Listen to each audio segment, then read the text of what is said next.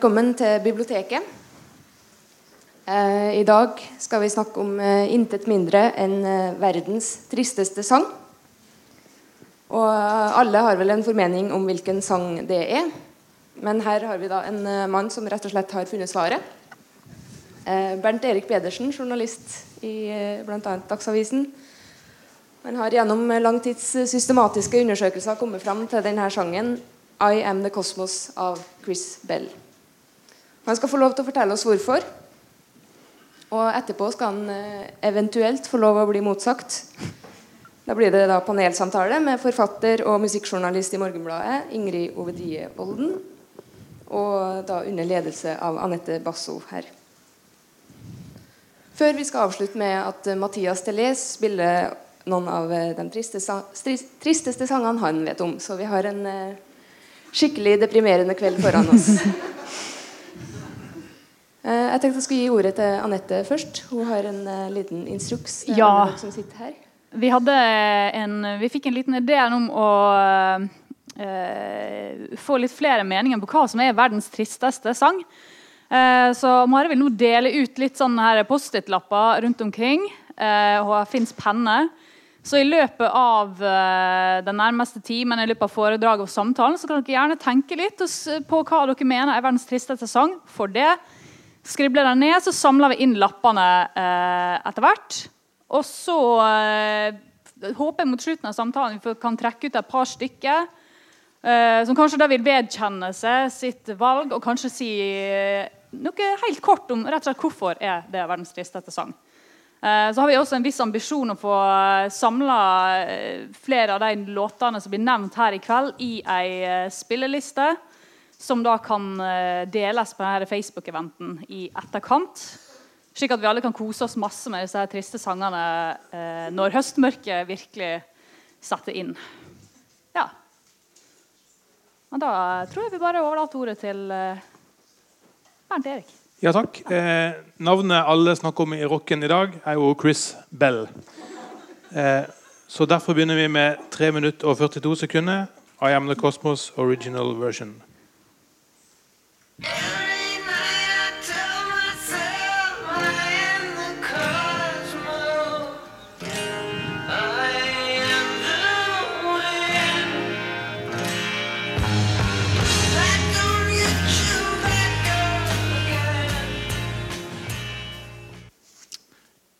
I Never Want To Be Alone synger Chris Bell på den eneste singelen han ga ut mens han levde i 1978. I Am The Cosmos A-sida, Speed of Sound på B-sida. Vi skal dvele litt med Chris Bells triste historie. Og Først og fremst skal vi dvele ved hva det er med denne fantastiske låta som gjør den så kosmisk uendelig trist. Uh, og jeg er veldig glad for å stå her i kveld, selvfølgelig. Og grunnen til at jeg står her i kveld, er, er Mariah Carey. Eh, hun spilte i Oslo Spektrum eh, i eh, vår, den første ordentlige konserten hun gjorde i Norge. Og eh, Mariah Carey er jo en av vår tids store vokalister og store balladesangere. Eh, alle har sikkert hørt eh, 'Without You', som er en av de store hitene henne fra tidlig 90-tall. Den var opprinnelig en låt som ble skrevet og spilt inn av et amerikansk 70-tallsband, engelsk 70-tallsband, Badfinger. Eh, Originalversjonen, hvis noen har hørt den, så er den litt sånn, litt sånn knapp, litt sånn tam. litt sånn, Akkurat som de holder litt igjen. Tør ikke helt å gå inn i eh, sangen. Eh, Senere så tok en annen artist, Harry Nilsen, tak i potensialet i 'Without You' eh, og spilte den inn med strykere og litt sånn større eh, drama. Mens eh, det var først Mariah Carey sin versjon da, som liksom fullendte låten. Og nå, 20 år etter i Spektrum, så syns jeg hun gjorde den enda bedre. Med et par sånn skilsmisser på baken og sånn. Så, så, fikk hun virkelig det store eh, dramaet inn i låta. Eh, da kosta på meg en parentes når han meldte konserten i Dagsavisen dagen etterpå. Så skrev jeg at 'Without You' er jo verdens aller tristeste sang. Bare tangert av Chris Bell. 'I Am The Cosmos'. Eh, og Dermed var diskusjonen i gang på Twitter utover fredags eh, ettermiddagen og kvelden. Hva er verdens tristeste sang? Og Det var mange gode forslag eh, som vi skal komme tilbake til med, fra bl.a. Ingrid Ovedi Volden her. Eh, men i løpet av denne Twitter-diskusjonen så meldte jeg meg da frivillig til å komme på eh, biblioteket her og fortelle hvorfor I Am The Cosmos da, jeg mener er verdens tristeste sang. Jeg, jeg, jeg løfta den opp til å, å gå over Without You nå, faktisk etter diskusjonen. Uh, men Without You og I Am The Cosmos uh, kommer fra omtrent samme epoke og mm, pophistoriske steder, om du vil. Tidlig på 70-tallet med Beatles-inspirerte powerpop-band. Og det er mange som er her har sikkert hørt om Big Star som var eh, Chris Bell var en av to vokalister og låtskrivere i eh, det amerikanske bandet Big Star. Eh, det, et, det, var et fint bilde av det, ja. Så Chris Bell til venstre her, sammen med Alex Chilton til høyre. De to var frontfigurer, begge vokalister og låtskrivere. Eh, og de så på seg sjøl eh, som en slags sånn Memphis-svar på Lennon og McCartney. Uh, Iallfall var det uh, Chris sin store drøm at de skulle være uh, Memphis' svar på Beatles. Og de skulle være Lennon McCartney. Uh, Chris Bell var halvt uh, britisk. Eh, faren var, fra, eh, var um, soldat i, eller flyver i flyvåpenet eh, og møtte mora i, eh, i, England under krigen. Og så etablerte faren en, en sånn klassisk kjernefamilie i, utenfor Memphis, der faren starta en forretning, forretningsvirksomhet, og familien var faste kirkegjengere mens Chris Bell satt på gutterommet og utforska anglofilien eh, sin ved å spille, høre på Beatles og Kinks og The Who og sånne ting. Og eh, ja, som dere ser How can I be homesick for a place I've never been? spurte han en kamerat i ungdommen. Eh, det var en ganske velstående familie, og vi hadde et eh, eget eh, slags gjestehus da, der eh, Chris Bell kunne spille gitar og spille øve med forskjellige band uten at noen ble forstyrra. Så han eh, var en slags sånn Han var veldig drevet av musikken. Da. Han tok en sånn naturlig rolle som bandleder. Og i, disse forskjellige band, eh, bandene som han drev fram, så kom etter hvert medlemmene av Big Star med. Og For mer om Big Star så kan alle gå og se den flotte Netflix-filmen 'Nothing Can Hurt Me Now'. Det kom en storslått dokumentar om dem for to år siden. Men for å hoppe til poenget så ga de ut noen eh, flott, to flotte album med med sånn eh, kjempefine radiovennlige popsanger og overmodige titler. 'Number One Record' heter den første, og 'Radio City' heter den andre. Og De kom verken på førsteplass eller ble spilt på radio. Og Allerede etter første albumet så begynte alt å gå helt eh, galt for Chris Bell. Eh, det første albumet til Big Star var mm, på mange måter musikken Chris Bell hørte inn i hodet sitt. Mye av det eh, man hører på den første Big Star-plata, var det Chris Bell som skrev og arrangerte og spilte inn og produserte. Mens Alex Chilton som jeg så her, han var mer sånn erfaren frontfigur. Han hadde allerede hatt som popsuksess som tenåring med eh, sånn One Hit Wonder som heter The Box Tops. Så han var mer sånn naturlig karismatisk og utadvendt og scenevant. Så han, mange tok liksom han for å være hovedpersonen i, i, i Big Star. og det var med på, det gjorde Chris Bell litt altså frustrert over at han ble stående i skyggen av Chris Bell Dessuten hadde han litt eh, tilløp til sceneskrekk. annet fordi han følte eh, når de spilte på sånne råtne småklubber i Memphis Det var jo ikke populære, og det var jo ikke noe sånn infrastruktur for små indie-band. Så de ble nødt til å spille på sånne små dårlige barer. Og sånne ting, og den lyden de klarte å få til på scenen, var veldig langt unna lyden som Chris Bell hørte i hodet sitt. Og denne eh, originale besetninga av Big Stars jeg ser her, det spilte bare Eh, en håndfull konserter. Sju konserter ifølge Big Star-forskninga. Da var det de spilte. Men eh, da Number One Record kom ut, eh, så fikk plateselskapet Stax Records, berømt plateselskap som mest drev med soul, de klarte ikke å få solgt denne plata. De hadde økonomiske problemer, de fikk ikke til distribusjonen. Og plata ble jo ikke kjøpt, bl.a. fordi den ikke var tilgjengelig i platebutikkene.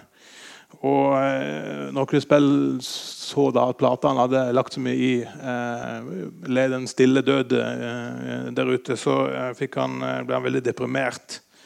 Og eh, fikk eh, selvmordstanke. Fortalte broren David Bell, som har gjort mye for å forvalte ettermælet etter Chris Bell. Og da Chris Bell mot slutten av 1972 slutta eller ble sparka fra Big Star, så tiltok det enda mer. Han ble voldelig, han ble eh, manisk, han fikk hallusinasjoner. Han misbrukte piller og alkohol, og det var heroin inne i bildet. Og eh, familien fikk til slutt lagt han inn på psykiatrisk sykehus, et sånt eh, institusjon i Memphis, som ble beskrevet som fengselsaktig eller draconian i Big Star-litteraturen. Eh, men da etter 1972 og 73, gjennom liksom et års tid med depresjon og selvmordsforsøk og, og, og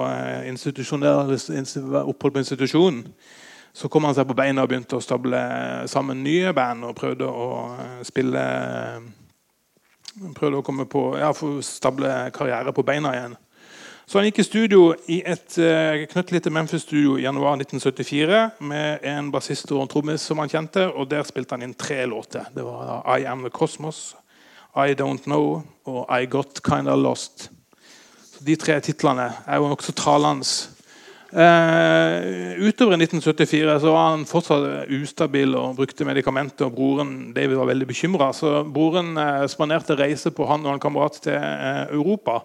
Der broren drev med sånn eiendomsgreier. Dette var jo ikke en fattig familie. De var velstående og var bemidla. Så de hadde jo råd til liksom, å, å, koste på stakkars Chris Bell alt mulig. Og eh, Broren David da, han booka tid, eh, studiotid for eh, Chris Bell i eh, et studio i Frankrike som heter Chateau de Herouville. Der bl.a. Elton John hadde spilt inn noen store 70-tallsalbum. Eh, og De dro over og uh, tok med seg disse teipene med I Am The Cosmos osv. Uh, for å få de uh, miksa og legge på uh, overdubbinger og sånt i Frankrike. Mens de var da i dette franske studioet så møtte de, jobbet de med en tekniker som uh, tidligere hadde jobba i Apple Records, altså Beatles sitt plateselskap. Og denne Teknikeren ordna avtale om eh, studiotid for Chris Bell i eh, det nye studioet som eh, Beatles-produsenten George Martin hadde oppretta i, i, London. Eh, Air Studio heter det. Nytt påkosta studio etter eh, Beatles-suksessen. Uh, og Da kan man jo virkelig snakke om en drøm som går i oppfyllelse. Chris Bell står da i London i studio sammen med teknikeren til Beatles, Joff Emerick, som du navnet ser du på alle sånne Beatles-album. Og diskuterte innspillinga av Sgt. Pepper og sånt, mens han da eh, jobba med sine egne låter i dette studioet. Og han fikk til og med møte Paul McCartney, som var innom i dette EU-studioet for å eh, sjekke ut den nye singelen som de hadde drevet og spilt inn. Eh, og han fikk realisert eh, drømmen om å jobbe med Beatles, om du vil, og fikk realisert den store lyden i hodet sitt med I Am The Cosmos. Påkosta produksjon i studioet til Beatles og Elton John. Uh, så han kom hjem til Memphis med denne tapen og begynte å prøve å få interesse for dette i plateselskapene i Memphis, eller altså musikkbransjen, eh, uten særlig eh, respons. Så eh, 26 eh, år gammel eh, så ga han etter hvert opp ambisjonene om å spille inn mer musikk. Og begynte istedenfor å jobbe i farens fastfood-restaurantkjede. Danvers, en sånn lokal kjede i Memphis. Mens eh, Chris eh, Bell sin gamle eh, bandkollega Alex Chilton han hadde hørt disse teipene av I Am The Cosmos og var veldig entusiastisk for denne låta som Chris Bell hadde spilt inn. og Alex Chilton hadde blitt sånn hipp i sånne punkkretser i mellomtida. Dette var jo rett etter punken 1978-79. Eh, og han fikk satt Chris Bell i kontakt med en, en, en kjenning eh, som ga ut I Am The Cosmos-singelen på det lille plateselskapet sitt i 1000 eksemplarer høsten 1978. Heller ikke den utgivelsen ble jo selvfølgelig lagt merke til. En obskur, en liten eh, popsingel på eh, et lite plateselskap som ingen eh, hadde noe forhold til.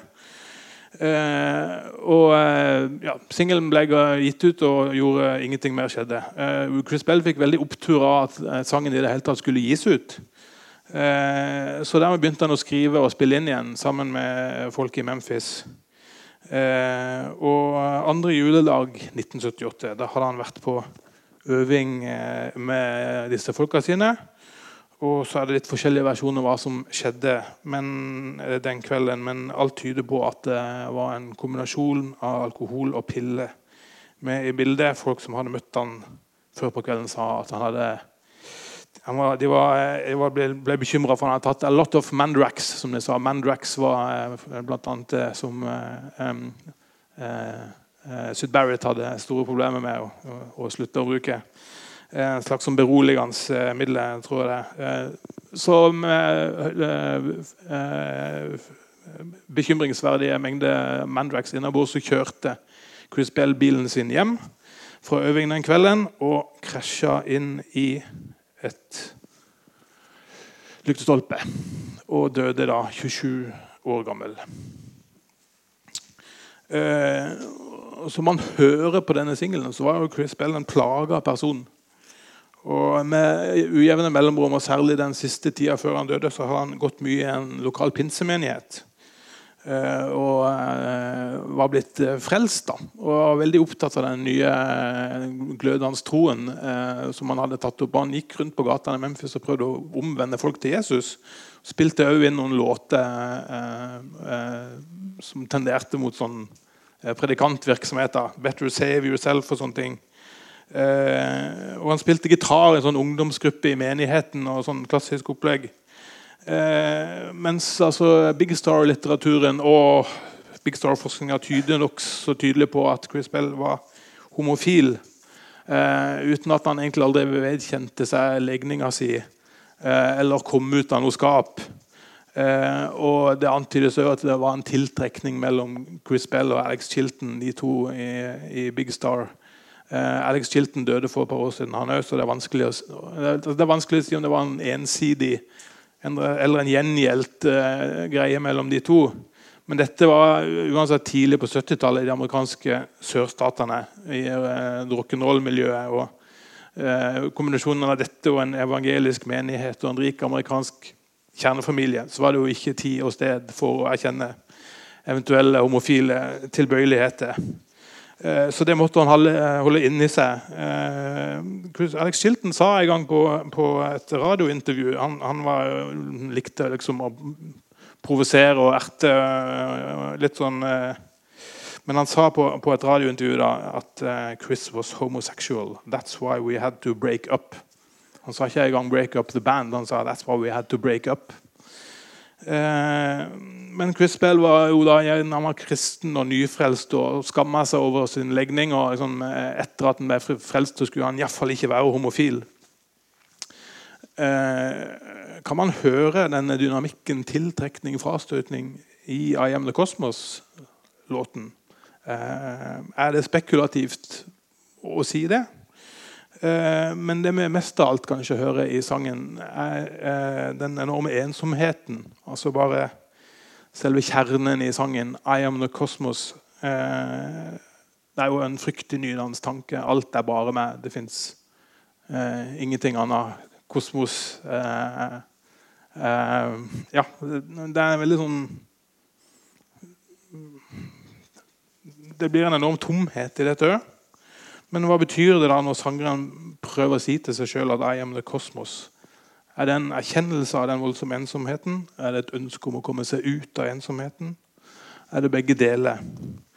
Eh, du kan jo høre hva som putter så mye inn i denne innspillinga. Det er intensiteten eh, i vokalen og den gitarsoloen som nesten hopper ut av, av, av, plata og prøver liksom å putte inn så mye eh, Han klarer å uttrykke så mye som mulig gjennom disse få sekundene med gitarsolo.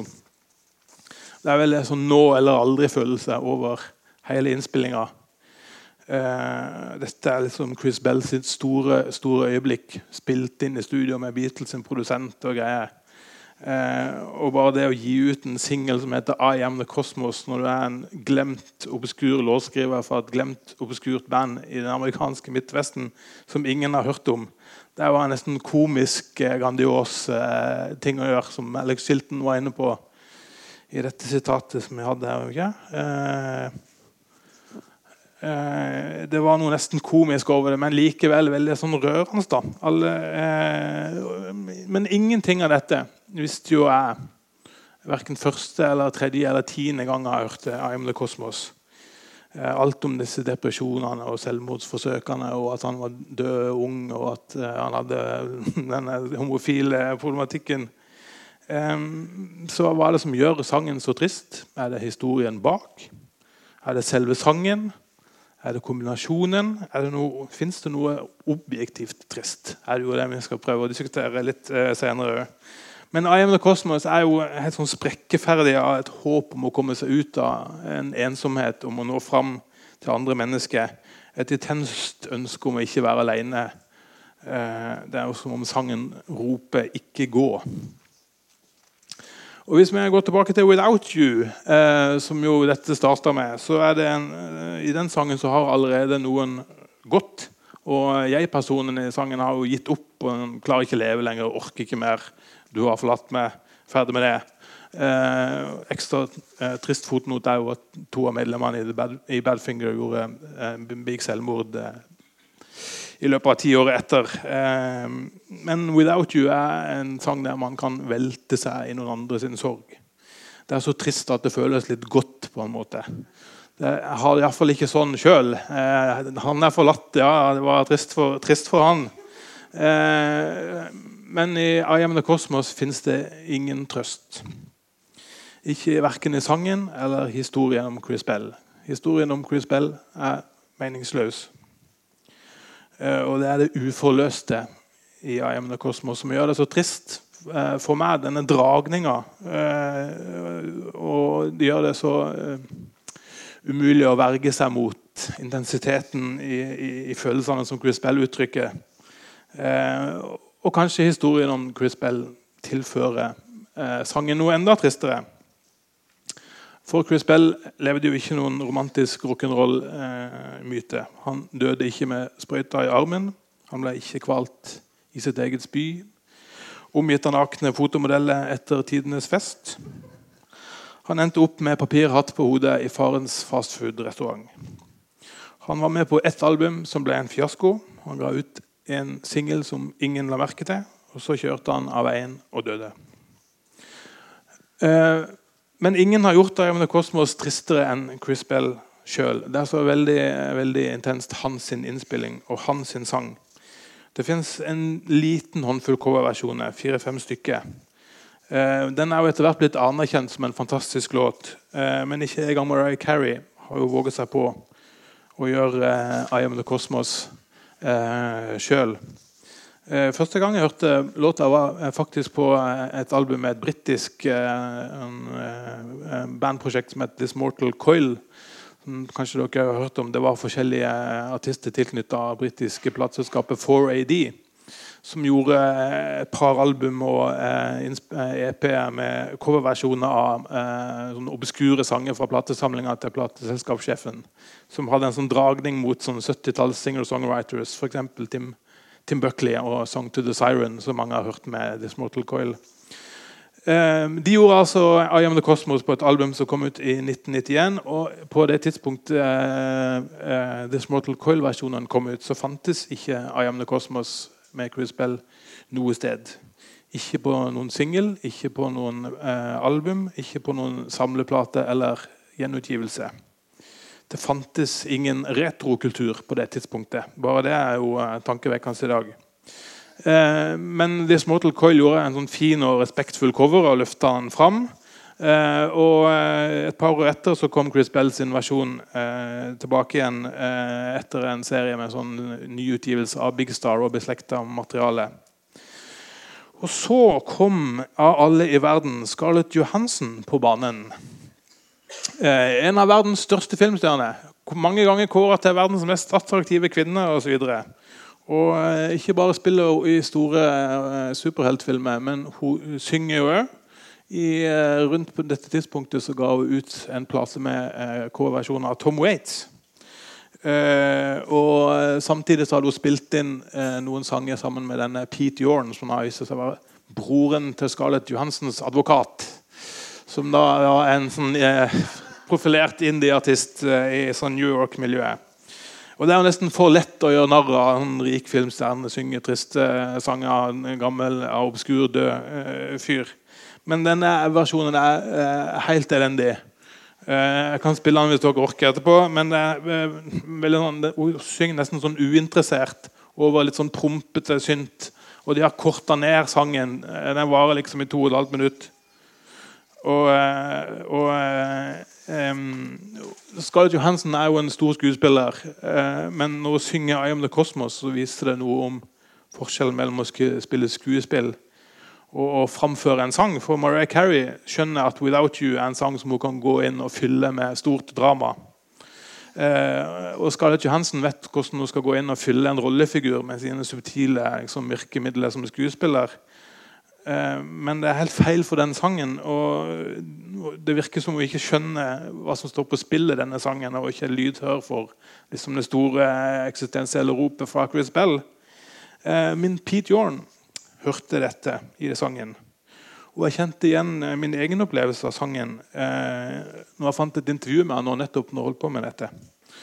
Han forteller det, det, altså det er sjelden å høre en sang som så til de grader treffer deg med en gang og får deg til å bare stoppe opp og tenke hva i all verden er dette? Og eh, Først etterpå gjorde han researchen sin og fant ut mer om Chris Bells tragiske død og liv. Eh, og eh, det, er, eh, det, er, dette som får meg til å tenke på Er det noe objektivt trist med denne sangen. Er den trist helt sånn eh, for alle til enhver tid, til enhver, uh, uavhengig av hva man vet eller ikke på forhånd, så blir man slått av, av, av hvor trist denne sangen er. da. Eh, og da det her eh, verdens tristeste sangopplegget kom opp, og, så, eh, og, jeg skulle liksom lage foredrag og sånne ting om dette, så la jeg vekk sangen og hørte ikke på den, fordi jeg ville på en måte ikke bli lei av den. Og, sånt da. Og så bestilte jeg en fin sånn eh, ja, det lå her et sted, en fin sånn deluxe-utgave De ga ut I Am The Cosmos. Eh, sånn CD-dobbeltutgave. Alt mulig eh, flotte greier med liner notes og sånne ting. Så den kjøpte jeg og fikk i posten. Og eh, Da da satte vi ned og spil, i sofaen og spilte den sangen, så ble jeg helt, eh, nok en gang helt slått ut. Jeg bare sank tilbake i sofaen. Eh, um, og den var, ah, den var, like trist eh, fortsatt altså, sjøl etter jeg hadde liksom eh, analysert og akademisert og liksom forska på dette. Så var den sånn slående, sangen var like slående eh, fremdeles. Da minner jeg igjen om muligheten til å da eh, dele sin egen eh, favoritt-tristesang eh, i løpet av kvelden. og altså I løpet av den neste halvtimen nå så skal vi prøve å gå litt ned, ned i materien på hva som gjør en sang trist. både om sjanger, tekst, lydbilde, tempo. Um, og så skal vi diskutere nærmere hva er det som avgjør hva som er trist. Altså, er det vår egen, altså lytteren sin personlige erfaringer, eller er det artisten sin historie? Og hvordan kan eventuelt trist musikk gjøre oss glad? Da tror jeg vi skal hente opp eh, noe som dere så litt i bakgrunnen her tidligere. Ingrid har laga en tristhetsmodell. Ja. Jeg er veldig stolt. Altså, nå har vi hørt uh, historien om verdens tristeste sang. Uh, og nå kan vi prøve å hente inn litt uh, god, god, vitenskap her. kan du forklare litt tristhetsmodellen du har laga? hvis vi får opp første slide. Her, ja. Den er veldig amatørmessig tegna. Men jeg er veldig stolt av den. For det første må jeg si at jeg tror liksom ikke at det fins en verdens tristeste sang. da. Der har jeg og Bernt Erik snakka litt uh, Jeg tror at det er en, en veldig sånn dynamisk ting. Mm. Akkurat som verdens beste sang. altså Vi kan på en måte aldri ha være uavhengig altså Musikken er ikke uavhengig av oss. Mm. Um, men ja, jeg har jo òg prøvd å gå i materien på hva, hvorfor jeg er så jævlig glad i trist musikk. da. Mm. Jeg har engasjert meg veldig i debatten med Bernt Erik. og ja kan jeg bare spørre én ting først? Altså, bare for å avklare hvor vi står. Er triste sangene de beste sangene? Ja. Jeg syns ikke nødvendigvis det, men triste sanger er jo de tristeste. selvfølgelig. Eh, det er jo ikke alltid man eh, Nei, jeg syns ikke trist musikk er best. Men, det, men eh, dette er jo den tristeste musikken, da. Ja, mm. ja nei og tja. Vi får se. Ja. Men ja, hva er det vi eh, hva er det slags diagram vi ser her? Kanskje, kanskje, du kan plassere sangen min inn i dette matrisen? Ja, det kan jeg prøve å gjøre. Altså, når jeg begynte, altså, i, alle fall I det landskapet som både jeg og Bernt Erik befinner oss litt i som musikal, så har man jo gjerne både musikalske komponenter og tekstkomponenter. Det er jo på venstre side her. Som kan være trist. Altså, det kan være, det kan gå, være kombinasjonen av dur-moll. Det kan være ja, ulike, ulike musikalske komponenter. Så er det tekst, da, som kan være nitrist. og så på høyresida er det jo mer sånn hva er det som eh, Hvordan kan man på en måte klassifisere det triste? da? Og da tenker jeg at det sikkert fins et eller annet universelt, som, er, som Bernt Erik var inne på. Noe objektivt, noen ting som alle mennesker bare reagerer på. Som gjerne er knyttet mer til det musikalske. Det er f.eks. For forska på at uh, vuggesanger er ganske lik verden over. At vi liksom finner fortrøstelse i det samme ja, Og de går ofte i moll. Uh, og så er det jo mer kulturelle faktorer da, som kan spille inn. Og der kommer jo ting som sjanger. Det var jo inn, en som nevnte her at det her var jo veldig sånn 70-talls uh, estetikk uh, i, I Am The Cosmos. Som gjør kanskje at vi i dag ikke blir truffet like mye av den som ja. Og det er jo interessant å se på. da. Uh, og så er det jo en veldig viktig runding her som jeg er opptatt av. og Det er jo den personlige rundingen. da. Hvor er det vi er hen i vårt liv når vi hører en låt? Og jeg tror kanskje at det er litt hellig og litt mot at vår biografi som lyttere er vel så viktig som artistens biografi. da. Altså det Ja. Er det et lite sånn, knust hjerte ja, det er det. inn i midten der? Ja.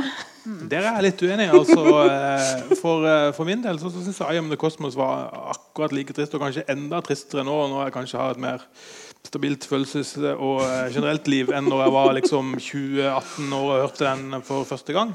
Jeg syns det er enda tristere nå, selv om jeg personlig var, sikkert var tristere før. Eh, men det, nå snakker jo jeg veldig lite sånn musikkvitenskapelig, eh, musikkteoretisk, det er liksom ikke min sterkeste side. Men jeg, kan jo, jeg vet forskjellen på dur og moll, f.eks. Eh, og du satte opp eh, Du sto ikke det Hvor, hvor kommer det inn i bildet? Dur og moll? Moll, ja. ja. ja. For, eh, for, du nevnte vuggesanger, at de ofte går i moll. Og det er jo interessant, de, men vuggesanger er jo ikke egentlig triste. Sant? De er jo eh, trøstesanger. De skal få folk til å bli rolige. Uh, mens uh, jeg tenker at det er liksom kontrasten mellom dur, dur og kontrasten mellom dur og moll som kan gjøre ting ekstra trist. da. Og F.eks. i den lille nedgangsbiten i I Am The Cosmos der han sier yeah, yeah, yeah, så går han fra dur og ned til moll der mens han synger yeah, yeah, yeah. Og jeg tenker Det er kontrasten der da som skaper noe trist. Det er kontrasten mellom dur og moll som gjør det virkelig trist. Eh, moll i seg sjøl kanskje ikke så, så trist. Eh, men så er det jo eh, forskjellige teorier om hvilken akkord som er tristest. Nigel Tufnell i Spinal Tap sa d-moll. Og så var det nylig på Twitter faktisk, veldig aktuelt, så var Bernard Butler, han gitaristen i Suede, han tvitra at hvis det skulle være skikkelig mørkt, så måtte du ned på g-moll. Det var den tristeste. Mm. Og den var vanskeligere å spille, så den ble ekstra trist. for den var liksom mer utilgjengelig. Da. Men det skjønner jeg ikke helt. Hvorfor en eh, akkord er tristere enn en annen? Det, er bare, ja, det, det, skjønte ikke jeg. Synes, altså. Nei, men altså Det er jo Jeg tenker at uh, altså den, Låta kan jo være trist på forskjellige måter. Da. Du har jo uh, trist musikk som ikke har tekst, f.eks. Du har trist elektronika, du har trist uh, Treng, og de befinner seg jo liksom Jeg tenker den tristhetssonen. Mm. det kommer liksom inn i eh, en, en, kombinasjon av de sirklene.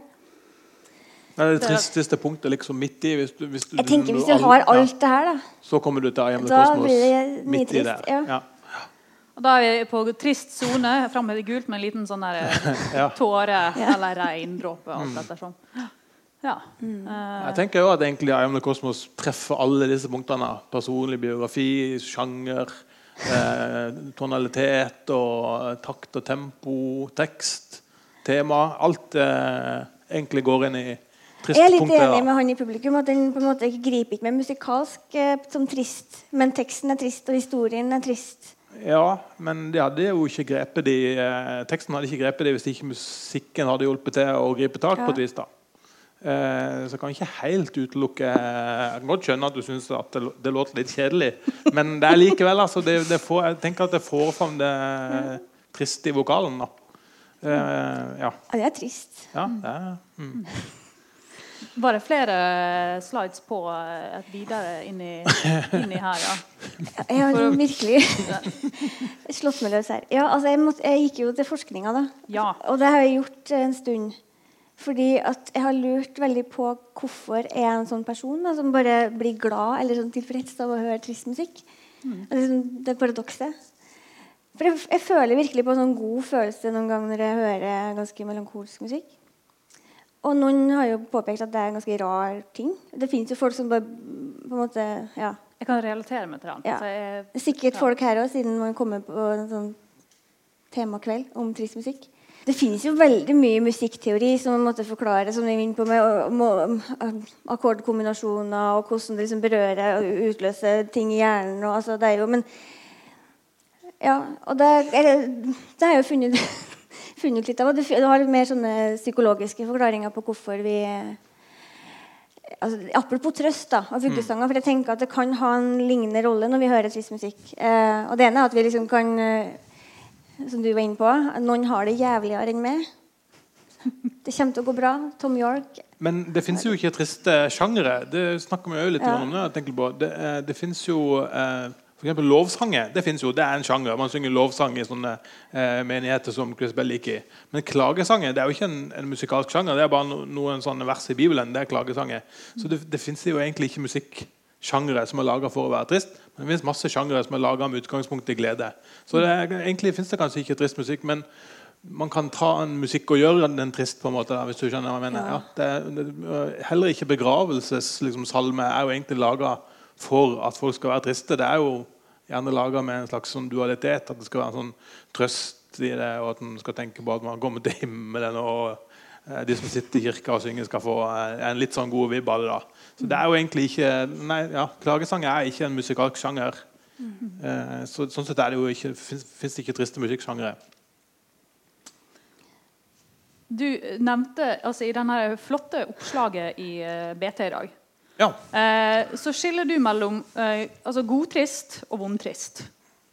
Eh, eh, og da var det faktisk med utgangspunkt i var vel Silja Sol sin stemning.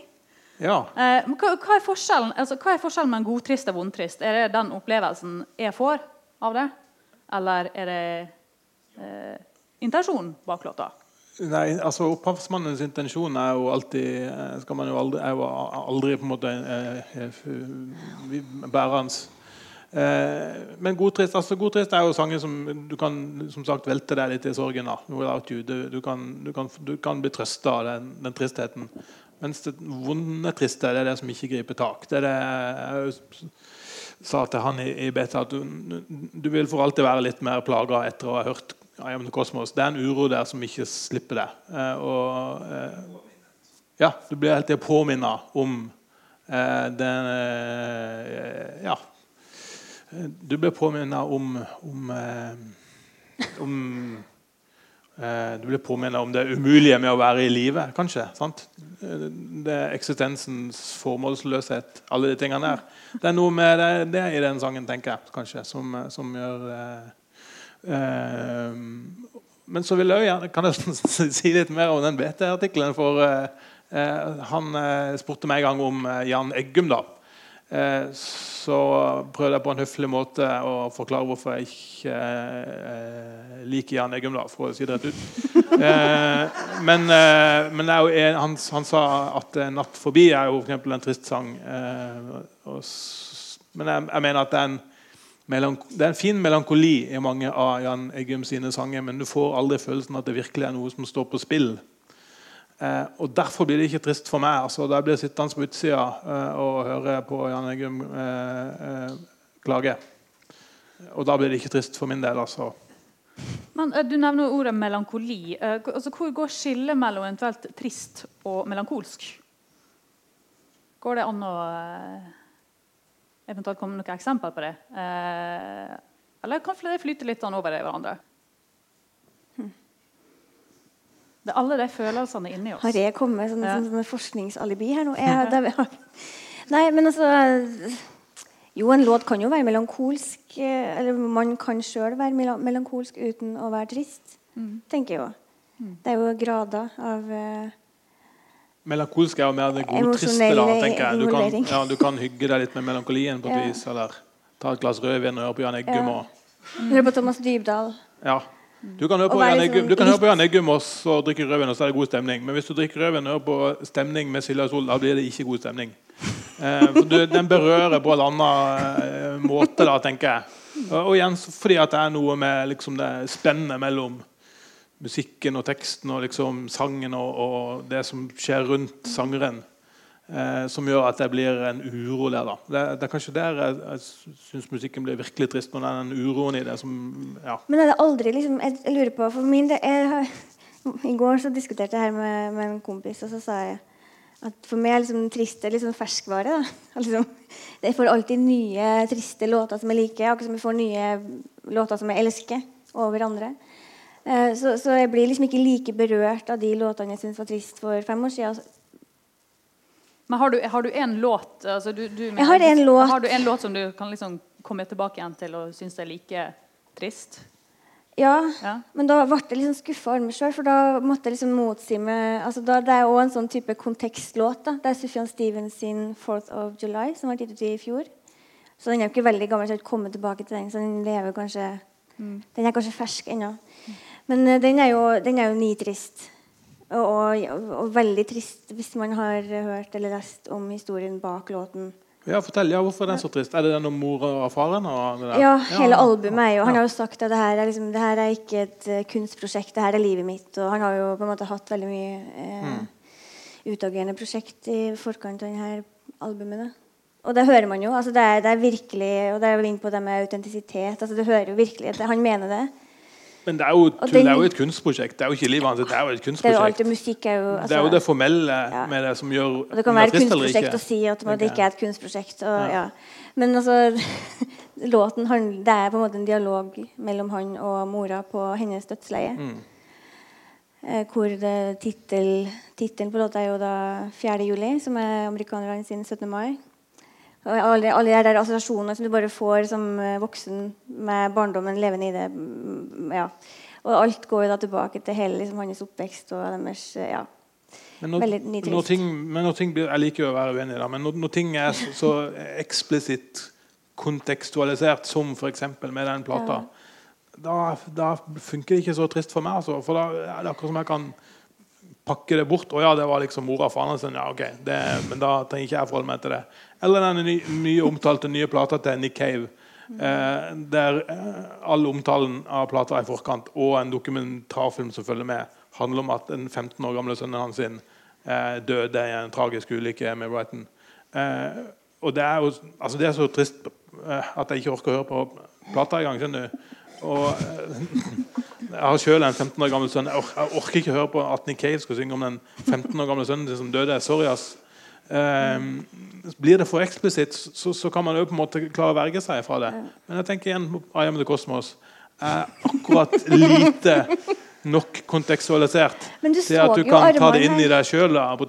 Vi syns jo alle at nesten alle synes den var tristere etter vi har hørt historien. Så det, det, er, jo, det er jo på en måte en bekreftelse på det du sier, hvor Ja. mye konteksten har å si. da. Men han synger ikke heller, eller sier at han synger om, um, en kjæ- om, om noen eller noe. Han løfter det opp fra det som konkrete. Men det gjør ikke Sufjan Stevens heller i sin låt. Det er jo jeg som forteller det. akkurat som... Ja. Ja. Han har jo fortalt det originale om det, og plata heter jo oppkalt sant? Ja. Da tenker han for, han gjør det for konkret for meg. altså. Da funker det ikke for meg lenger.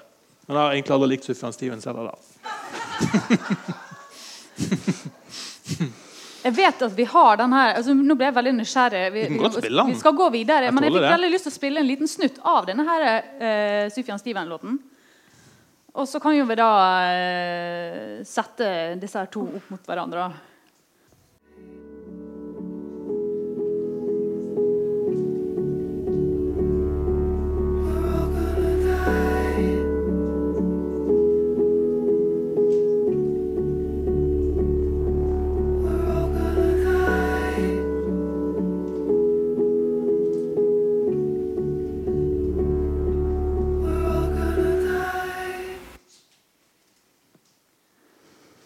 Alle dø. Det er jo en grei eh, påminne å ha. Den var veldig trist. eh, ja, det var det. Eh, den balanserer oppimot god trist. Men jeg tror kanskje den havner ned på vondt. Du måtte felle den tåre der. Ja, ja, den, havner kanskje ned på vondtrist. Det blir litt sånn eh, Men hans, det er fint rim der. 'Fourth 4th of July og We're All Gonna Die. Og da tenkte jeg på et definitivt godtrist band og musikkopplevelse eh, eh, Bergens aktuelle Kent. Har de spilt her eh, nettopp, eller de skal spille her på sånn avslutningsturné? Det er veldig bra når de har eh, på disse stadionshowene sine, iallfall den en turné som jeg var på for noen år siden med de, så har de det store sluttnummeret er den sangen eh, som er det liksom refrenget 'Vi skal alle en gang dø'. Jeg tror det er 'Mannen i den hvite hatten'. ikke den sangen heter. Og på slutten av konserten så, eh, så, så, På låten der så kverner de jo på det lenge, lenge. 'Vi skal alle en gang dø', vi skal alle en gang dø. Og så skyter de ut svart konfetti over publikum. Det er en fantastisk opplevelse. Eh, 'Vi skal alle en gang dø', synger de. Og så drysser det ned svart konfetti. Eh, og, men du blir ikke trist av det. Det er jo en eh, slags oppløftende opplevelse. Det er litt sånn, ja, det er egentlig en slags lettelse i det. Ja, vi skal alle en gang dø. Ja, det kanskje blir greit, det. Eh, det ble, det ble godtrist, ikke vondtrist. Den er kanskje den er vondere, men likevel litt eh, balanserer litt for meg, da. Ikke så trist som I Am The Cosmos. Da er det den gode følelsen som jeg føler at jeg får når jeg hører trist musikk. Mm. Ja. For det, det, hvis du tar neste bilde, Maris, det som jeg har funnet ut, da, det er at vi har, sånne, vi har um, noe som heter prolaktin. Det er et hormon som egentlig skal beskytte oss mot sorgfølelse. Eller altså når vi har uh, følt at vi har opplevd noe traumatisk. Så, ut, så skiller vi ut det. Og det, det, skjer da når vi hører på trist musikk. Så tror kroppen at Eller ja, da begynner den å aktivere det. Og når det, kroppen finner ut at vi, det ikke er noe farlig, det er bare, det er bare Tom York som har, er trist, så får vi en sånn godfølelse. Da. Samtidig som vi får dopamin og andre ting som, uh, som vi hører når vi hører glad musikk. Også. Og så mener forskerne at uh, som neste bilde viser oss, at vi som hører på tristmusikk, vi er mer empatiske. Det er mer korrelasjon. Og det er et evolusjonært fortrinn. Og det gjør at vi føler oss enda bedre når vi hører på trist musikk. Når vi får empati med f.eks. Chris Bell eller Sufjan Stevens eller dem vi hører på. Da, da får vi virkelig en godfølelse. Fordi at vi er veldig Ja. Men, er folk som hører på uh, trist musikk, mer lettrørt? Kan det være altså... Du spurte om folk som hører på trist musikk, er mer lettrørt? Ja. Ikke for min del. Uh, nei. Jeg liker, jeg liker, jo ikke å bli rørt. Jeg hater når jeg ser sånne filmer som du merker du trykker på grineknappen. Det liker jeg ikke. Eh, jeg, jeg, tror, så jeg tror ikke Nei, jeg tror ikke det er jo noen det. som blir veldig redd. Altså, det, det, det, fikk jeg jo svar på i den ene artikkelen. her, at Det er jo noen folk som bare får litt panikk når de hører trist musikk. Og jeg har jo noen sånne venner som får panikk når jeg setter på litt for trist musikk. Mm. Da, da, føler de, og, og det har sikkert med at de da, For min del så er det sikkert at de regulerer et eller annet med det. mens for dem så bare får kroppen for mye sånn traumealarm. da. Så de, de, kan jo være lettrørt, på en måte. Don't know what's going on inside, som Chris Bell sa. Men uh, det, det, det, det, er veldig fint at vi er mer kreative og mer empatiske. Men så, som du påpeker der nederst, har hatt mer fucka liv. Det hjelper jo ingenting om vi blir kreative og empatiske da, av denne triste musikken. Det, jeg må si at den, er, den, står i parentes, da, for det er jo min, ja. min, tolkning av de to artiklene som jeg har lest. Fordi, apropos det her med at vi kan føle oss eh, altså når vi kan høre trist musikk, altså Terapeutiske effekten da, når vi hører musikk. Har, lever i et samlivsbrudd, så kan vi synes det er deilig å høre om andre som har vært gjennom det samme. Og, og det, ja og hvis man har en hang til litt for mye sånn, sånn trist musikk, så kan man jo trekke en slutning om at vi kanskje har hatt litt mer fucka liv. da. Mm. Så, er, er, så den er litt, litt uh, suspekt uh, forsknings... Uh, Spørsmålet er om du har hatt fucka liv Om du hører på trist musikk fordi du har hatt et fucka liv, eller, eller du et om du har et fucka liv fordi du hører på trist musikk. Det er et godt spørsmål. Ja. Men nei, man får jo et mindre fucka liv. Man får jo prolaktin og blir glad og harmonisk. Og, og etter å ha hatt men det som er litt spennende med den, de, de stoffene, det blir jo en sånn god cocktail, det er jo at det, ja, det blir jo nesten som en rus. Så det mm. forklarer jo liksom den avhengighetsfølelsen som mange har til musikk. Eller som jeg har til musikk. Hvis det er godt, ja. Men det er kanskje den terapeutiske effekten med den triste musikken som jeg vil bort ifra. da. Jeg vil at musikken skal gjøre deg urolig. Eller da det, Ja. Jeg, jeg, jeg foretrekker det, liksom. Men det kan jo gjøre selv om man altså Det kan jo være, det er ikke nødvendigvis at det skal lulles inn i musikken. Det kan jo være musikk som utfordrer, men man har ja. Men kan vi se på de lappene da med de triste sangene? Forslagene?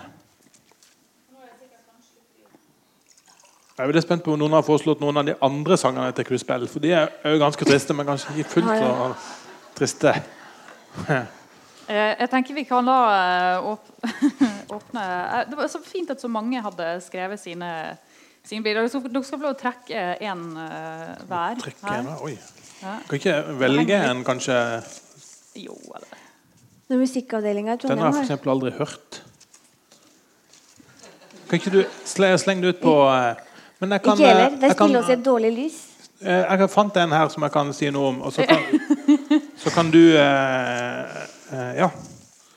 Så kan du uh, finne For Jeg er litt nysgjerrig på om det er noen som har helt andre tilknytninger. Er det noen som f.eks. er der låten, din favoritt-triste låt har en utrolig uh, trist tekst?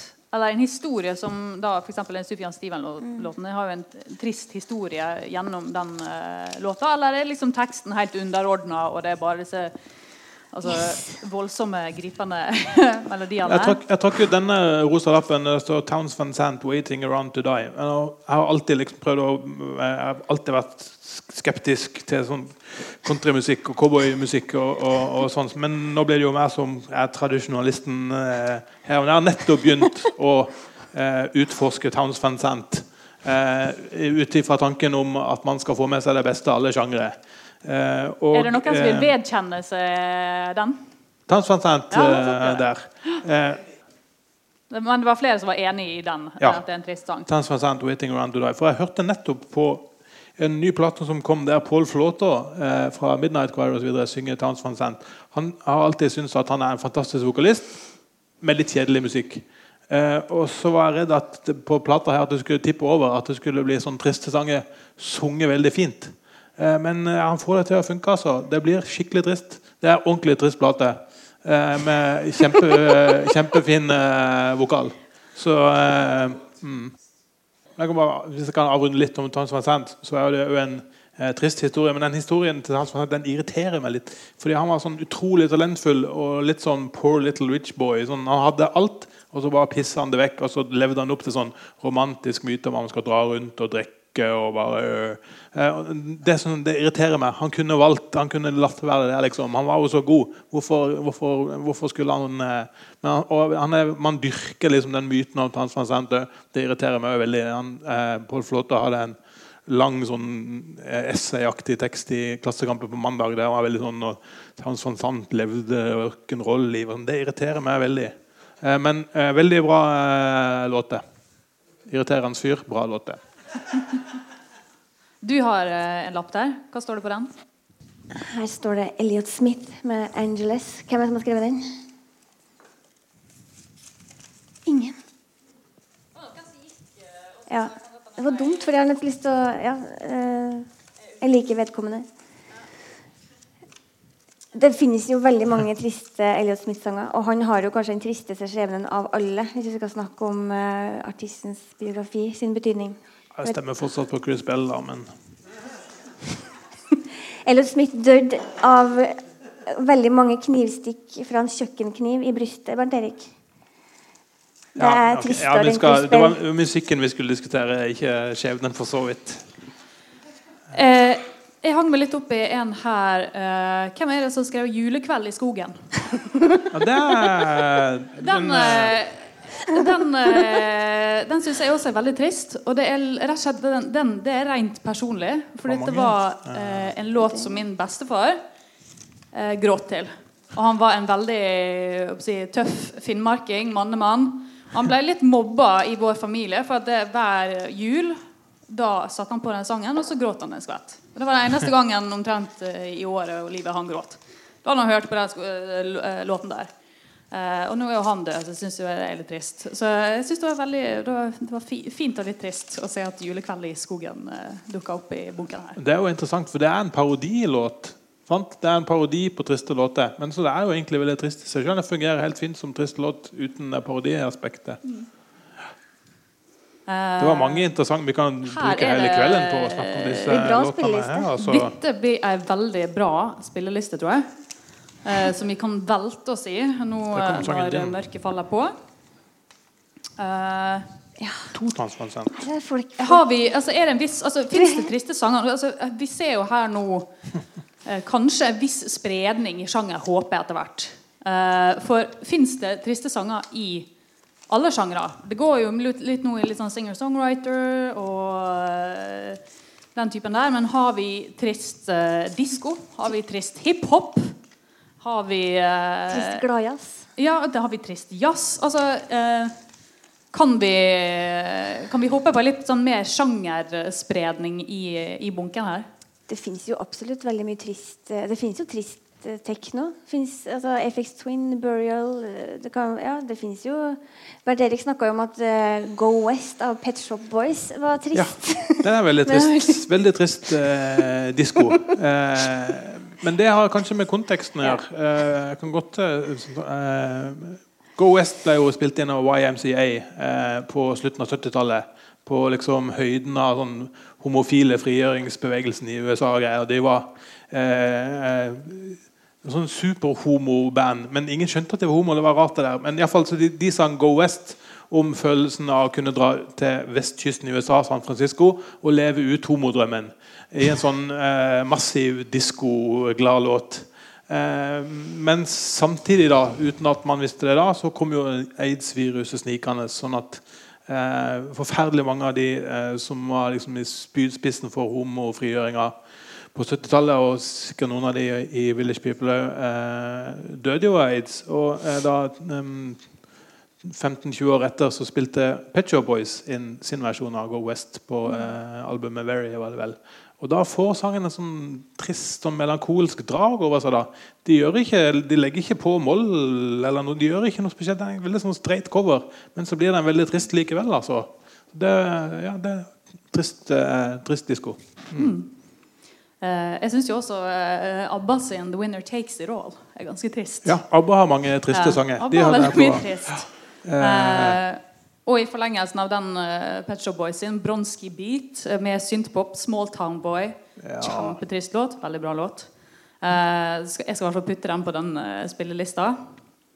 Abba, Abba, 'Knowing Me, Knowing You' syns jeg er veldig, veldig trist. Kanskje den tristeste sangen de har. Samtidig som det er tittelen på et av de morsomste TV-programmene noensinne. 'Know Me, Knowing You' med Alan Partridge. Men sangen i seg sjøl er uendelig trist, for det er liksom to eh, elsk, eller tidligere kjæreste eller noe som kommer fram til at dette går ikke lenger. Eh, og sånn, Jeg vet hvordan du er, og det er ikke noe annet å gjøre enn å bare gjøre det slutt. Det syns jeg er veldig trist. Det er liksom uavvennlige med det i den låta. Synes jeg er forferdelig trist. Nå ble jeg litt trist når jeg tenkte på den. Ja. Ok, Vi har vært innom litt, altså vi har litt sjangre.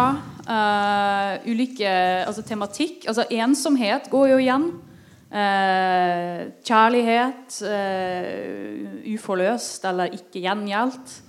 Eller disse her eh, mer sånn eh, personlige indre konfliktene og sider ved seg sjøl som man ikke kan leve ut, og den type ting. Eh, så vi har jo begynner å nærme seg spredning på både type musikk, type tematikk. Eh, og eh, ja. Eh, vi har jo Jeg ser jo at du vil fremdeles konkludere veldig sterkt med at Chris Bell jeg synes jo, det, det, er jo ikke noe her som topper den fremdeles. Men altså, vi har en publikumsvinner, og det er Towns Van Sant 'Waiting Around To Die'. Den fikk to stemmer. eh, ellers så er det jo bare sånn spredte stemmer på alle låter. her da. Jeg tror ikke det er noen andre som fikk to. Så det er Towns Van Sant er publikumsfavoritten. ja.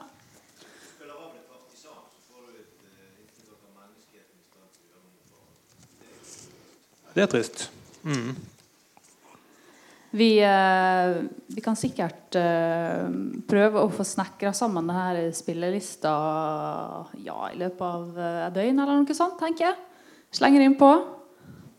Og vi kunne jo ha vi får, egentlig fortsatt ganske lenge vi, altså, Det er jo mange spørsmål med trist musikk som man gjerne kan fortsette diskusjonen.